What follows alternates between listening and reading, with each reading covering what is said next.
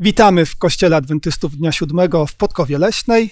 Przed nami kolejne studium Pisma Świętego pod tytułem Dobra nowina o sądzie.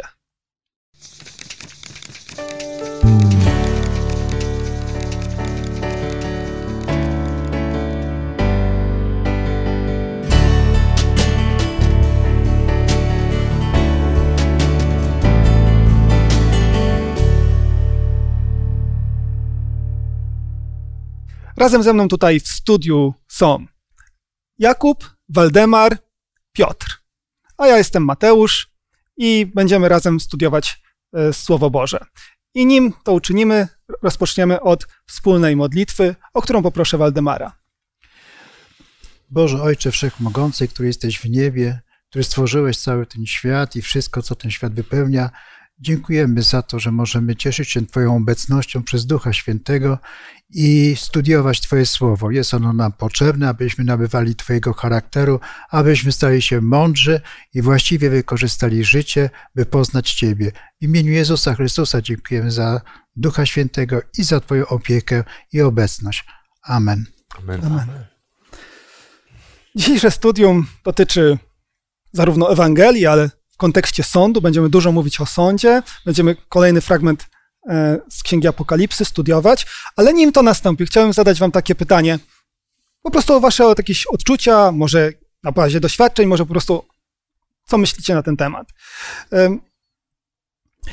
Jak myślicie, kiedy jesteśmy na rozprawie sądowej,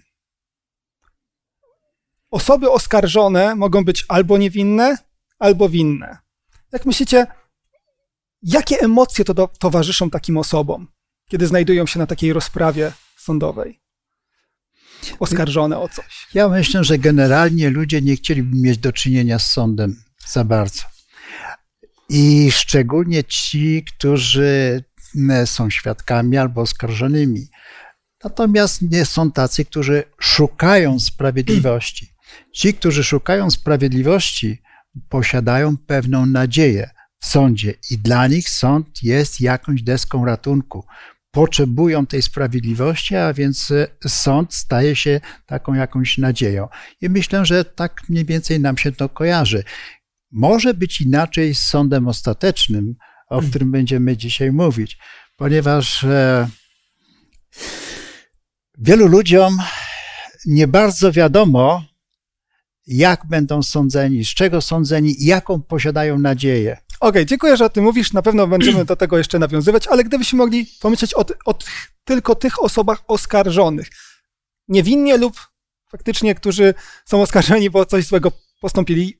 Dla tych dwóch grup osób, jakie mogą ich, im towarzyszyć emocje na rozprawie sądowej? Myślę, że tak czy siak jednej i drugiej stronie towarzyszy na pewno duży stres.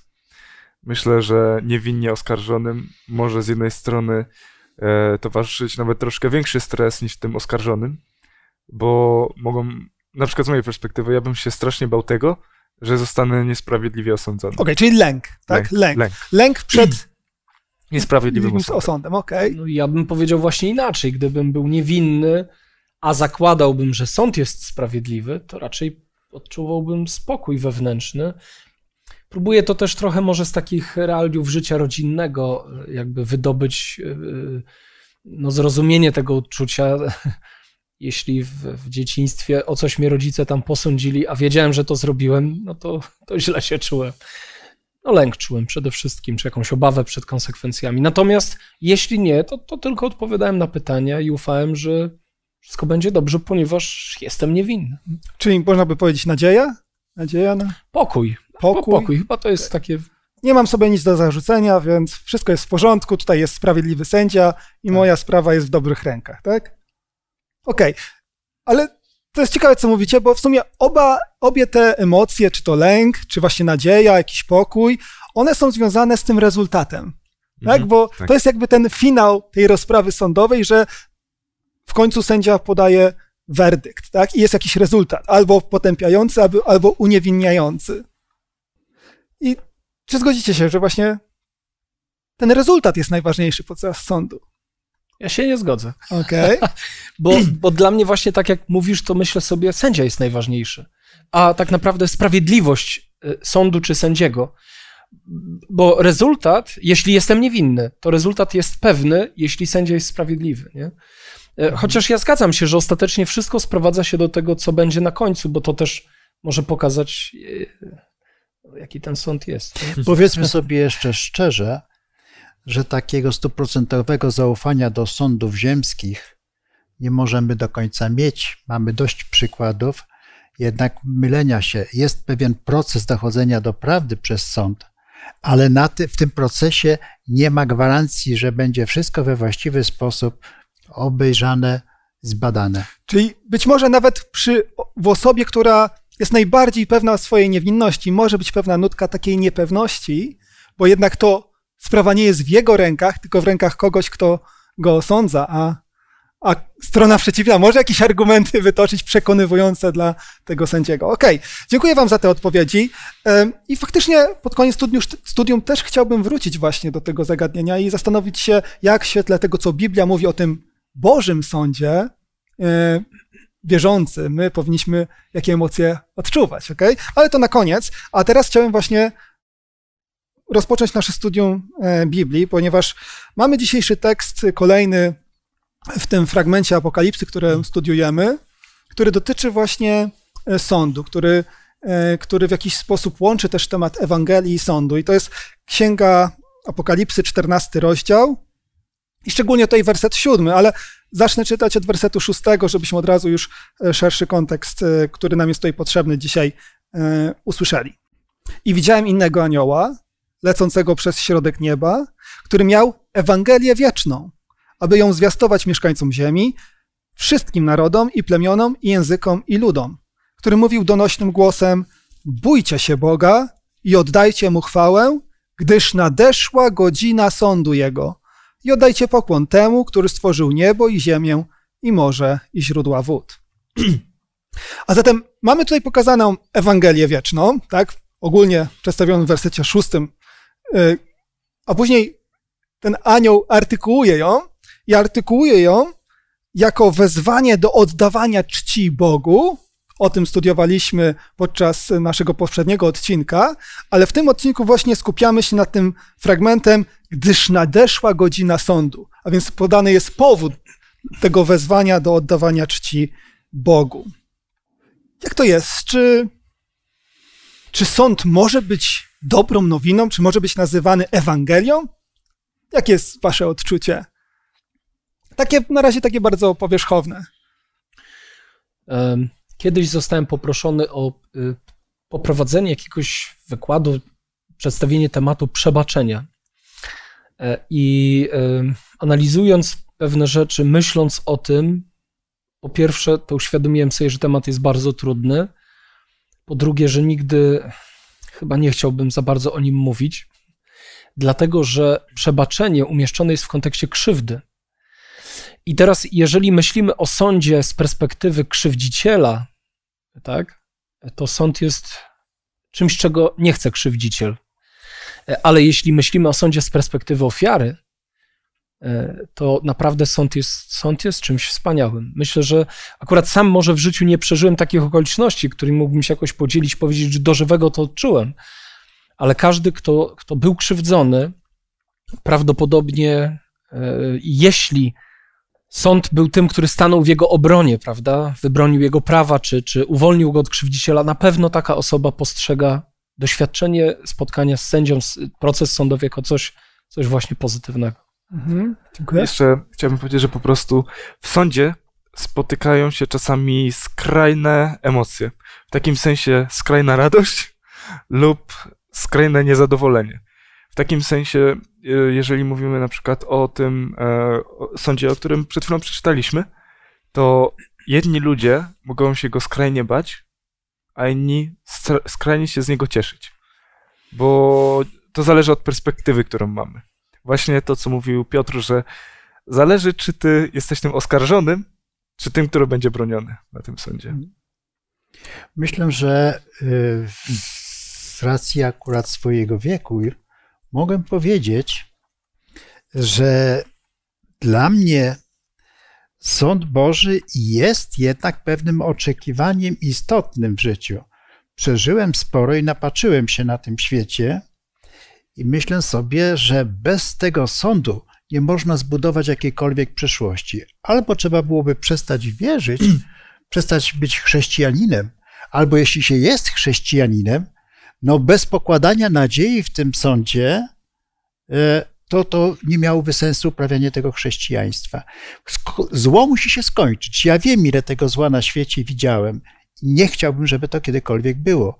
Sąd musi zakończyć pewien etap zła, bo sąd e, w efekcie kończy jakąś historię zła, mm. prawda? Jakiejkolwiek. Zamyka się przestępców, niszczy się przestępców, czy cokolwiek innego i zaczyna się nowy etap w życiu. Jeżeli nie byłoby zakończenia tego etapu zła, no to jakaż nadzieja dla mnie. Jeżeli mówimy, że dobrą nowiną, że jest Bóg, da nam życie wieczne, otrze wszelką łzę, to znaczy, że musi osądzić ten świat, musi wyeliminować tych, którzy tworzą, że to życie jest złe na tej ziemi. Dziękuję bardzo za te myśli wasze, ponieważ e, one świetnie ilustrują to, że jest pewne takie domaganie się sprawiedliwości i osoba poskrzywdzona pragnie, aby to do sprawiedliwości doświadczyć. No tak od razu na gorąco bardzo przypomina mi się fragment z Apokalipsy, gdzie w rozdziale szóstym przedstawieni są ci, którzy giną z powodu Słowa Bożego, świadectwa, które złożyli i przedstawieni są jako ci, którzy wołają: Kiedyż, Panie święty i prawdziwy, rozpoczniesz sąd i pomścisz krew naszą na mieszkańcach ziemi? I to nie jest wypowiedź pełna obaw przed sądem, to jest wypowiedź taka domagająca się i, i nawet przynaglająca Boga, Boże, reaguj, Boże, zadziałaj, prawda? Z taką pewnością wyroku. Nie? Ale, ale jako ojciec, jako ojciec y, mający dwie, dziec, y, dwie córki, wiem, wiem, y, znam to jakby z, z praktyki takiego życia, bo czasem, gdy jedna z nich czuje się pokrzywdzona, szczególnie gdy jest to ta młodsza, troszkę słabsza, to ona domaga się sądu, w sensie reakcji rodziców, którzy zastosują jakieś środki, prawda, i, i, i, i dokonają jakiegoś sprawiedliwego rozstrzygnięcia sytuacji. I przywrócą sprawiedliwość, przywrócą sprawiedliwość na świecie. Tak. Dokładnie. Także świetnie dziękuję za, za też ten przykład taki z życia wzięty, ponieważ faktycznie sąd często przychodzi do nas w postaci ratunku. Ratunku od niesprawiedliwości, e, z którą się zmagamy.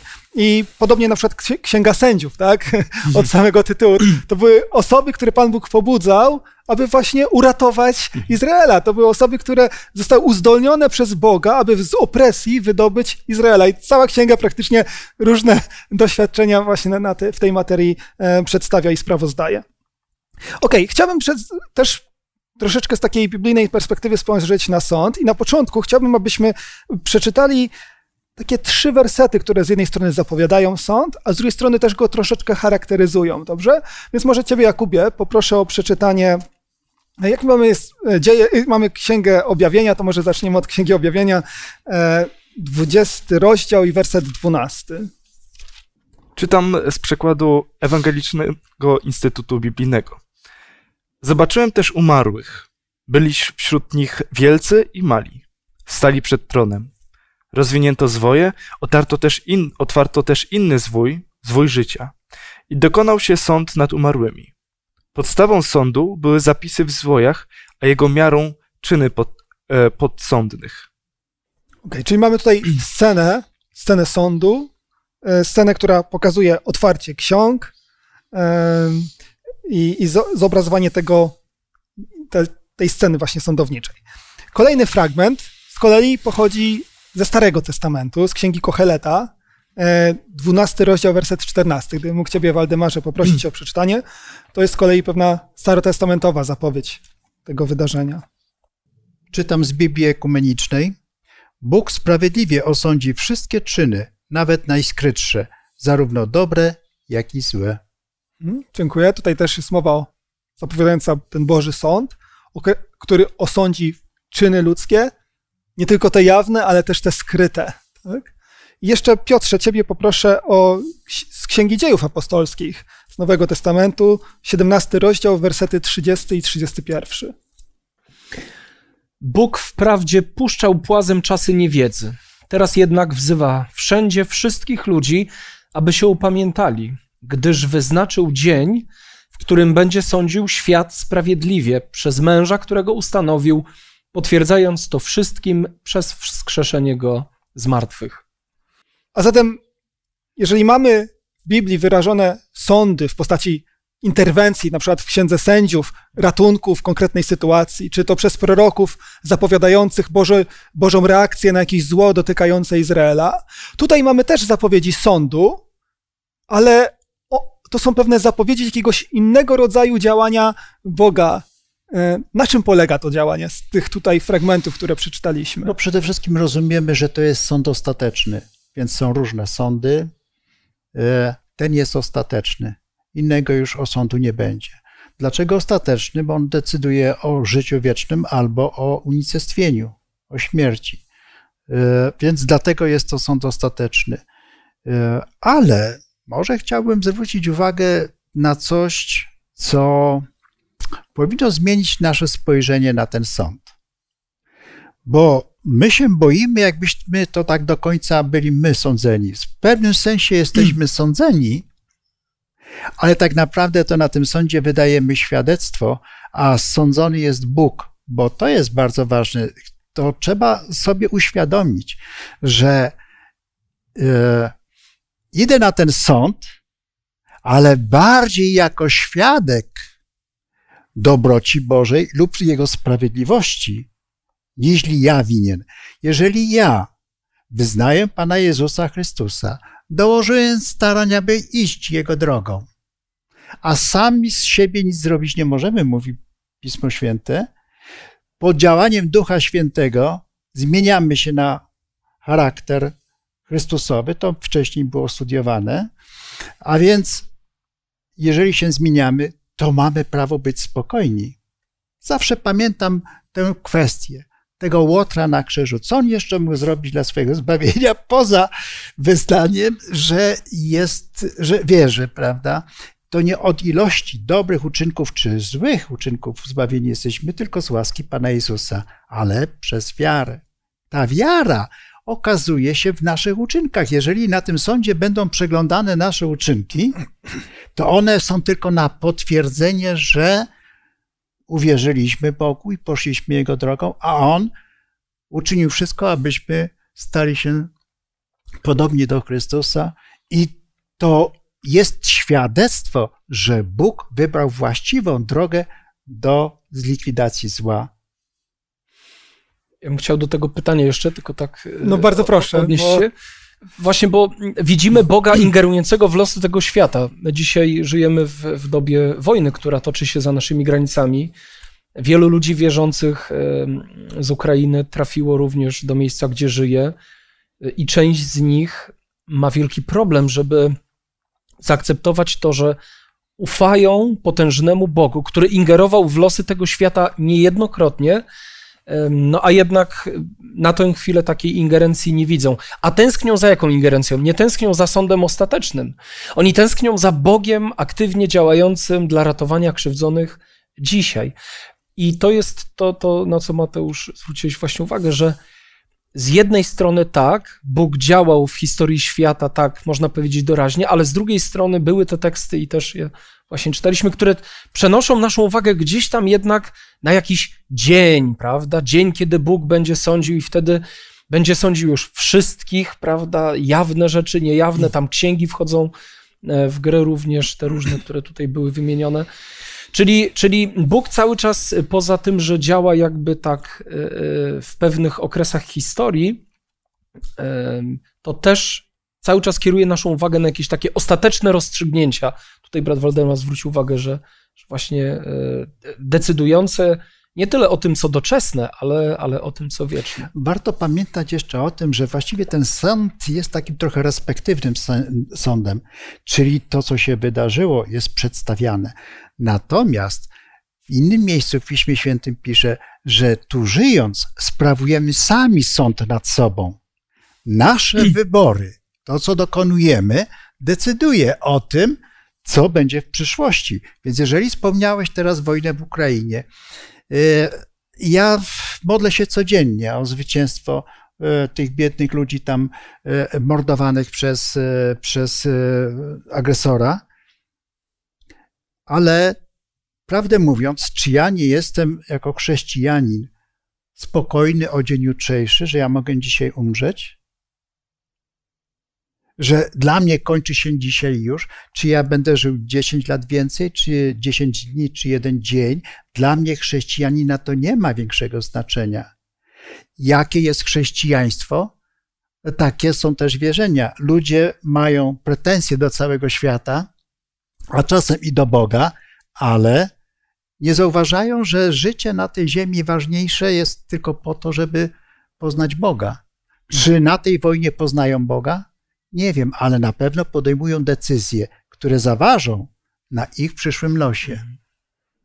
Dziękuję. W naszej tutaj rozmowie nasze myśli oczywiście też biegną do takich bieżących też trudności i problemów, które są właśnie przykładem tego, że Pismo Święte zapowiada, że Pan Bóg w pewnym momencie rozliczy wszystko, rzeczy jawne i niejawne. Jeżeli jakieś rzeczy uszły płazem wcześniej, jeżeli o jakichś rzeczach ludzie się nie dowiedzieli, tak? W pewnym momencie sąd, który odbędzie Bóg, rozstrzygnie każdą sprawę każdego człowieka. Czyli e, mamy tutaj przedstawiony taki powszechny sąd, tak, nad wszystkimi. E, nikt nie ucieknie, e, nikt się jakoś nie wyślizgnie, będzie Bóg sądził, będzie sądził sprawiedliwie, mm. będzie sądził przez syna swego e, i ten sąd ma odtworzyć albo właśnie przywrócić tą wieczną sprawiedliwość, tak? gdzie źli zostaną potępieni, a święci zostaną uniewinnieni. I Może tym... dodać byłoby jeszcze warto, że ten sąd, który ma pokazać, bo już wspomniałem wcześniej, e, jaki jest prawdziwy Bóg. Bóg jest miłosierny i powiedzmy sobie jeszcze jedną rzecz, że miłosierny jest w obu przypadkach dla tych, którzy będą zbawieni i dla tych, którzy zostaną unicestwieni. Gdyby mieli żyć w swoim świecie, swoim życiem, to byłoby jeszcze więcej coś niż piekło, sobie mogą wyobrazić. A więc miłosierdzie Boże, chociażby sam fakt skrócenia ludzkiego życia z tysiąca lat na przykład do 120, e, którego mało kto dożywa, już widzimy Boże miłosierdzie, bo gdybyśmy mieli żyć w takim świecie tyle lat, to strach pomyśleć. Czyli w tym kontekście możemy wrócić do Księgi Apokalipsy. W 14 rozdziale, w 7 wersecie, to jest ten werset, który czytaliśmy. Nadeszła godzina sądu. Jako dobra nowina. Bóg rozpoczyna sąd. Tak? I mamy w tym kontekście wezwanie: bójcie się Boga i oddajcie e, mu chwałę. Czyli tutaj sąd ma pewne funkcje zbawienia, tak? ratunku w, z uwagi na kontekst. Bo jaki jest kontekst e, tego 14 rozdziału? w jakim kontekście e, wydarzeń tutaj jest opisywane, te wołanie tych aniołów. Obudźcie się, spójrzcie, przejrzyjcie na oczy, zobaczcie, róbcie coś, ratujcie się w końcu. Dlaczego? Dlaczego takie wezwanie? Bo jest źle? No, a na czym polega właśnie te zło, tutaj opisane wcześniej w 13 rozdziale? Może, może ja bym powiedział, jeśli mogę. Mm, właśnie ciekawe w Księdze Apokalipsy jest to, że duże partie tekstu w niektórych e, momentach są podsumowane czasem nawet przez, przez jeden wiersz. I zanim rozpoczyna się to, co często nazywamy drugą częścią Księgi Apokalipsy, taką częścią eschatologiczną, byśmy powiedzieli, może językiem teologii, mamy w jedenastym rozdziale przed sceną otwartej świątyni yy, opisaną w wierszu 19, wiersz 18, który mówi tak: I popadły w gniew narody, lecz i twój gniew rozgorzał, i nastał czas sądu nad omarłymi i oddawanie zapłaty sługom Twoim, prorokom, świętym, tym, którzy się boją imienia Twego, małym i wielkim, oraz wytracenia tych, którzy niszczą ziemię. Nie jest to moje odkrycie, ale było to dla mnie niezwykle cenne, gdy mogłem e, jakby zauważyć wypowiedzi tutaj e, biblistów, że ten tekst streszcza praktycznie wszystko, co mamy od rozdziału 12 do 22. Gniew narodów to są rozdziały 12 i 13. Ciekawe, że najpierw przedstawiony jest smok pełen gniewu, a potem dopiero gniew ludzi, którzy uciskają, prześladują, prawda? Następnie mamy powiedziane, że i Boży gniew rozgorzał i rozdziały od 15 do 18 opisują coś wstrząsającego.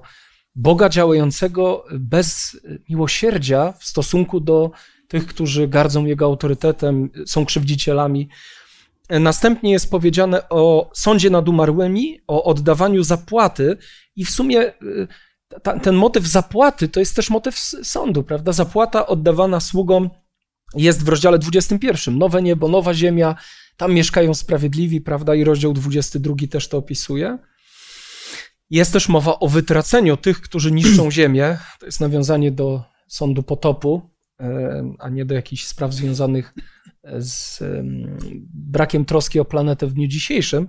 E, ale ten, to zniszczenie mamy w rozdziale 19 i w rozdziale 20. E, I w związku z tym wydaje mi się, że to poselstwo 14 rozdziału o nadejściu godziny sądu to jest poselstwo, które same w sobie w jakimś sensie jest też sądem. E, a z drugiej strony wskazuje na to, że Bóg dokona rozróżnienia między tymi, którzy przyjęli Ewangelię i dzięki temu stali się innymi ludźmi, e, ale też tymi, którzy Ewangelię odrzucili, odrzucili też Boga, plan zbawienia. Czyli z jednej strony to, to, to przesłanie, ta, ta wiadomość, tak, e, ona opowiada o pewnej bliskiej rzeczywistości, ale ona zawiera w sobie pewien ładunek, który przyjęty może coś jeszcze zmienić, a odrzucony niestety może przypieczętować e, czyjś los. Dziękuję Piotrze za zwrócenie uwagi właśnie na ten cały kontekst apokalipsy, tej ostatniej części apokalipsy, która pokazuje, w jakim momencie pada ta dobra nowina, że Bóg sądzi, tak? Że Bóg odpowiada na tą niedolę, która ma miejsce na ziemi. Tak. Ja chciałem się jeszcze odnieść do e, właśnie dobrej nowiny, do miłosierdzia i jeszcze wspomniałeś o synu. Chciałem, żebyśmy sobie zwrócili uwagę, jak to się zawiera w tym obrazie sądu. Wyobraźmy sobie właśnie salę tronową. Wyobraźmy sobie, że będziemy sądzeni. I jako sędzia jest nasz brat, i przy okazji na sali też jest nasz ojciec, który ma bardzo duży wpływ na to. Bo jak wiemy, Bóg przekazał cały sąd Chrystusowi, a z tego, co wiemy, Chrystus powiedział, że kto jest naszym bratem i siostrą? Kogo je, jakby kto jest jego bratem i siostrą? Są wszyscy ci, co właśnie podążają za Bogiem. I w tej atmosferze rodziny idziemy na sąd. Wiemy, że nie idziemy do kogoś obcego, kto nas osądzi surowo, e, czasami bezpodstawnie, bez znajomości nas, mhm. tylko wiemy, że osądzi nas ktoś, kto nas bardzo dobrze zna. I chciałem jakby jeszcze to tak nakreślić na przykładzie Abrahama. Cofnijmy się do Księgi Rodzaju i pomyślmy na, na temat tego, jak Abraham zawierał, właściwie Bóg zabierał z Abrahamem przymierze. Widzimy, że Pan Bóg zabiera, e, zawiera z Abrahamem przymierze w ten sposób, że Abraham rozkraja e, zwierzęta na pół i w tamtych czasach była taka e, właśnie myśl, założenie tego czynu, że dwie strony przechodzą przez to i wtedy jest zawarta umowa. Ale jak widzimy, Abraham nie przechodzi, tylko są dwa obrazy i sam jakby Bóg przechodzi. Abraham nie ma jakby e, udziału w tym. W takim sensie, że mm, to się robią po to, żeby pokazać, że konsekwencje spadną na tą i na tą stronę, która nie będzie posłuszna, posłuszna temu, tej umowie. I jak widzimy, Bóg jakby bierze całe konsekwencje na siebie. I dlatego nam przysłał Chrystusa. Dlatego właśnie przyszedł do nas na ziemię. I dlatego możemy się cieszyć z sądu, bo wiemy, że Jezus wziął nasze grzechy i my idziemy na sąd nie z naszymi uczynkami, właśnie tak, żeby się ktoś nie chlubił, tylko po prostu idziemy w tej łasce i idziemy w uczynkach Chrystusa. Idziemy e, w tym, że On za nas zmarł, że nas zbawił, odkupił i to jest właśnie ta kontynuacja Bożego planu. Mhm. Jak widzimy, że w pierwszej księdze już mamy ten obraz, wiadomo, że to jest przymierze, ale to jest obraz tego, tej konsekwencji, konsekwencji czynów. I widzimy, że będzie podobna jak w objawieniu. Pierwsza i ostatnia księga robią nam taką klamrę, która pokazuje nam, że Pan Bóg będzie nas sądził i te konsekwencje dla tych, którzy pójdą za nim, on bierze na siebie. Dlatego możemy się cieszyć z sądu, a wręcz nawet wiwatować na, na myśl o nim. Myślę, że mówiąc, że bierze na siebie, masz na myśli chyba przede wszystkim śmierć Jezusa, tak? tak który tak, tak, te, tą winę i ten grzech wziął na siebie i, i poniósł, tak, i poniósł ofiarę, że przed, aby no. te konsekwencje tego nieposłuszeństwa i niewierności tak, wziął na tak. siebie i odkupił. Mhm. No myślę, że bardzo wielu chrześcijan nie zdaje sobie do końca sprawy z tego, że wszyscy stanie, stajemy tam jako oskarżeni, mimo wszystko, ponieważ powiedziane jest, za grzech jest śmierć, a nie ma ani jednego sprawiedliwego. Wszyscy zgrzeszyli, mówi No Pismo. Święte. W związku z tym wszyscy jesteśmy jako oskarżeni, ale kolejną dobrą nowiną, czy elementem dobrej nowiny jest to, że mamy wspaniałego orędownika, czy adwokata, moglibyśmy powiedzieć, w osobie Pana Jezusa, że jeżeli On umarł za mnie, za moje grzechy, by mnie uratować, to przecież teraz nie pośle mnie do piekła. Chyba zrobił wszystko, żeby mnie uratować. I tak jak wspomniałeś, że nazywa siebie naszym bratem, to jest nasza nadzieja. No, każdy chciałby mieć takiego adwokata chyba, prawda, który staje po Nawet jego sędziego. stronie. I sędziego. Odnośnie tego, e, lubię pewną przypowieść Pana Jezusa. Może przeczytamy ją. Z Ewangelii Łukasza, 18 rozdział, wersety od 9 do 14. Ym, I powiedział także do tych, którzy pokładali ufność w sobie samych, że są usprawiedliwieni, a innych lekceważyli, to podobieństwo. Dwóch ludzi weszło do świątyni, aby się modlić. Jeden faryzeusz, a drugi celnik. Faryzeusz stanął i tak się w duchu modlił. Boże, dziękuję Ci, że nie jestem jak inni ludzie, rabusie, oszuści, cudzołożnicy, albo też jak ten oto celnik. Poszczę dwa razy w tygodniu, daję dziesięcinę z całego mego dorobku. A celnik stanął z daleka i nie śmiał nawet oczu podnieść ku niebu, lecz bił się w pierś swoją, mówiąc: Boże, bądź miłościw mnie grzesznemu. Powiadam wam, ten poszedł usprawiedliwiony do domu swego, tamten zaś nie, bo każdy, kto siebie wywyższa, będzie poniżony, a kto się poniża, będzie wywyższony. Jaką tutaj Pan Jezus zawarł lekcję na temat właśnie Bożego osądu e, w tej przypowieści? No, może właśnie y, wiadomo, że to jest pewna przypowieść pokazująca tylko pewne aspekty e, związane z sądem, ale bardzo mocno jest podkreślona tego, e, kwestia tego, że człowiek sądzi inaczej niż sądzi Bóg. Prawda? Jeden oceniał siebie jako sprawiedliwego i wymieniał tutaj swoje dobre dokonania. I szokujące jest to, że wcale nie kłamał, a jednak jest powiedziane, że odszedł nieusprawiedliwiony, a więc, a więc był winny. Jeśli nie, nie był uznany za sprawiedliwego, to był winny, prawda? Natomiast z drugiej strony jest człowiek, który widać, to jest taki barwny opis, staje z daleka, tak? nie ma, nie, on nie ma śmiałości. On czuje bojaźń jakąś przed Bogiem prawdopodobnie, tak? Przed Bożym Sądem. Y, Jedyne, co może powiedzieć, spuszczając wzrok w dół, co jest takie też bardzo znamienne, to mówi, Boże, bądź miłościw mnie grzesznemu. A więc jest świadom swoich win, a jednak tego Bóg y, uznaje za sprawiedliwego. Tak? Nie ma dużo mowy o warunkach, o, o, o jakichś takich dodatkowych elementach, ale obraz jest, jest y, bardzo taki y, znaczący i myślę, że dla każdego, kto w sercu czuje swoją winę dzisiaj, też taki pocieszający, jakby mówiący, okej, jesteś świadom swoich grzechów, uważaj, w oczach Boga to nie musi być koniec e, ciebie. Tak? Tak, bo tutaj ta kluczowa różnica na czym polega między pierwszym a drugim? No ta kwestia, że faryzeusz wymieniał to, co dobre, ale być może nie widział tego, co on źle robi. W takim sensie i chyba najgorsze to, tak mi się wydaje, że dla Boga było, że porównała się do tego człowieka. Tak właściwie to nie chodziło faryzeuszowi, takie mam wrażenie, o to, żeby, że naprawdę jest zadowolony z tego, co udało się osiągnąć, nawet w jego mniemaniu, załóżmy, z Bogiem, tylko że karmił swoją, swoje poczucie wartości i swoją tą próżność, porównując się do kogoś, kogo on uznaje za po prostu nikogo. A z drugiej strony ten, ten Właśnie. drugi, A z drugiej strony drugi człowiek, który jest przejęty tym, co on sam robi i ma właśnie tą autorefleksję. Potrafi znaleźć w sobie e, to, co Bogu może się nie podobać, jest tego świadom, a to już jest pierwszy krok do, do zmiany. Pan Jezus daje wiele nauk, ale bardzo często w różnych formach mówi: Wierzcie we mnie.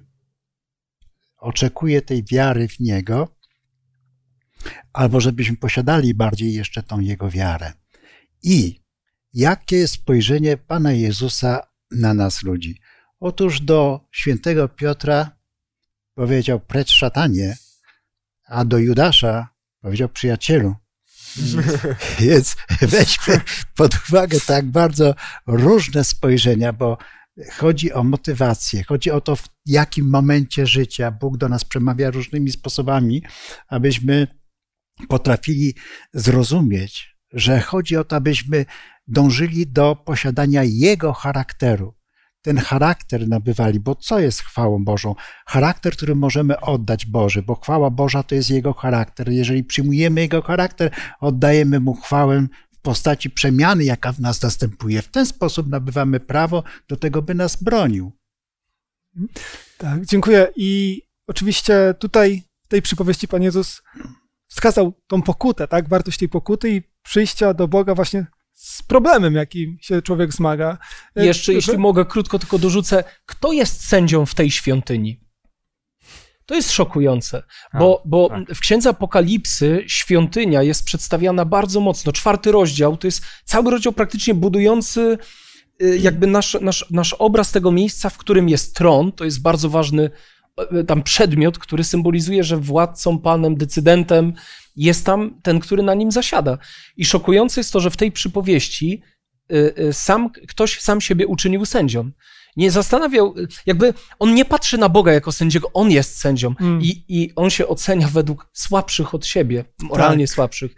Natomiast tamten miał jakieś wyższe standardy i, i zwracał się do Boga bardzo bezpośrednio, tak? Prosił, prosząc Boga jako sędziego o miłosierdzie. E, I to się zawiera w tym podsumowaniu. Jeden siebie wywyższa. I, i on tutaj e, podaje wyrok sądowy, który no, nie należy do niego w ogóle. Wchodzi w nie swoje kompetencje. Wchodzi w nie swoje kompetencje, tak.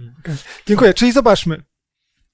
Popatrzyliśmy na początku ogólnie z perspektywy e, sądu. Zobaczyliśmy, że Bóg właśnie rozpoczyna sąd jako ratunek i zawsze w historii tak było. Tak? Zobaczyliśmy też troszeczkę indywidualnie, jak, jak jednostka ma się do sądu, tak? że, że Bóg jest też tym, który chce obronić. Tak? On chce zbawienia wszystkiej, ca, całej ludzkości. Tak? I każdy, kto woła do Niego, przychodzi do Niego, e, pokutuje, wskazuje, że potrzebuje Go, zostaje przez Niego e, przyjęty. Tak? I Pan Bóg e, odbywa ten sąd, aby z jednej strony uniewinnić, potwierdzić, że osoby przyszły do Niego, uwierzyły w Niego, a z drugiej strony potępić tych, którzy są właśnie osobami, które odrzucają Boga, które nie chcą Boga i które czynią zło. Tak? I to na przykład apostoł Paweł w drugim rozdziale e, właśnie pokazał, że ten wyrok sądu w zależności, jest w zależności od podstawy. List do Rzymian. List rozumiem. do Rzymian, drugi rozdział, e, postawy człowieka względem Boga, postawy jego serca, jakby e, w jaki sposób serca płynie, jaki kierunek nadaje e, jego życiu danej, danej osoby. I, I w ten sposób e, ta całość życia, tak, ten kierunek, w który człowiek zmierza, jest przez Boga przedstawiony, e, osądzony w tym sensie, że Pan Bóg tak naprawdę podąża za decyzjami, które ludzie podjęli. Tak? Jeżeli, jeżeli człowiek odrzucił Boga, to Pan Bóg pozwala na to. Jeżeli, jeżeli przyjął Boga, to z radością Pan Bóg zbawia człowieka. I dlatego dobra nowina o sądzie, ponieważ z jednej strony to jest dobra nowina w kontekście tym, które opisuje Księga Apokalipsy, ataku, e, prześladowań, i Bóg rozpoczyna sąd i Pan Bóg zmieni rzeczywistość. Tak, to jest, co każdy osoba, która jest w jakiś sposób prześladowania czeka, na zmianę rzeczywistości. I sąd jest zwiastunem zmiany rzeczywistości, którą Pan Bóg e, właśnie rozpocznie, rozpoczyna, rozpoczyna właśnie tą zmianę. Z drugiej strony, indywidualnie również. Sąd jest dobrą nowiną, bo tam jest nasz sędzia, który może zapieczętować nasze wieczne zbawienie. Jest jeszcze jeden aspekt, na który warto zwrócić uwagę. E, Mamy wizję tego sądu, sali tronowej, gdzie to się odbywa, e, i widzimy tam taką sytuację, w której wywyższony jest właśnie Pan Jezus. O to chodzi, że tego sądu nie może nikt inny przeprowadzić. Kuba to Dlaczego? właśnie też podkreślał. Dlaczego Pan Jezus, a nie kto inny? Nikt inny nie może, tylko właśnie On. Że tylko Pan Jezus, czyli ten, który wykupił ten lud, on może y, y, sprawować sąd. Więc sąd to nie jest y, sprawdzenie, czy według przepisów przeżyłem, bo przepisy mamy, tak? Dziesięć przykazań Boże, one służą nam po to, żebyśmy poprawnie żyli, ale nie są podstawą naszego osądzenia. To nie zbawia nas. Zbawia nas łaska tego, który nas wykupił. A więc to jest takie ważne, żeby Tak. nie myśleć sobie, że jeżeli postępuję poprawnie, to znaczy, że nie muszę się bać nie wiadomo czego. Tak. No niekoniecznie. Tak, dziękuję bardzo. Więc tak jak tutaj widzimy w Księdze Apokalipsy, tak jak możemy też e, sięgnąć do Księgi Daniela, siódmy rozdział, gdzie sąd właśnie jest rozpoczęty z uwagi na prześladowania tam przez mały róg i sąd odbywa się na korzyść świętych Najwyższego, tak? To jest motyw ratunku Bożego ludu, tak? I, I tak samo każdy z nas może skorzystać z tego ratunku. Więc na końcu ostatnie pytanie. Mówiliśmy o osobie oskarżonej na rozprawie sądowej. Jakie może mieć emocje? A jakie my, jako wierzący chrześcijanie, e, powinniśmy mieć emocje właśnie w obliczu tego sądu Bożego? Jeżeli chodzi o sąd dla mnie jako adwentysty, no to powiem szczerze, cieszę się. Przecież ja czekam na powtórne przyjście Pana Jezusa. Powtórne przyjście Pana Jezusa wiąże się oczywiście z sądem. To jest cała dobra nowina, że powtórnie Pan Jezus powróci na ziemię, że będzie sądził ten świat, no i że skończy się wszystko, co złe. A mam codziennie na co patrzeć, a tego zła dookoła mnie jest dużo. Więc bardzo się cieszę. Ale czy wszyscy tak myślą? No raczej nie, niektórzy się martwią. Nawet moi bliscy i znajomi, niektórzy mówią, a ja jeszcze jestem niedoskonały, a jeszcze jest problem, a może jeszcze trochę czasu, poprawię się. I tutaj na krypto, krypto takie zbawienie trochę z oczynków czasami wchodzi, jakby ludzie nie do końca rozumieli, na czym polega zbawienie. Dokładnie, cały czas gdzieś siedzi nam z tyłu z głowy, że my musimy się poprawić lepiej. Ja zawsze wtedy przypominam tego Łotra na krzyżu.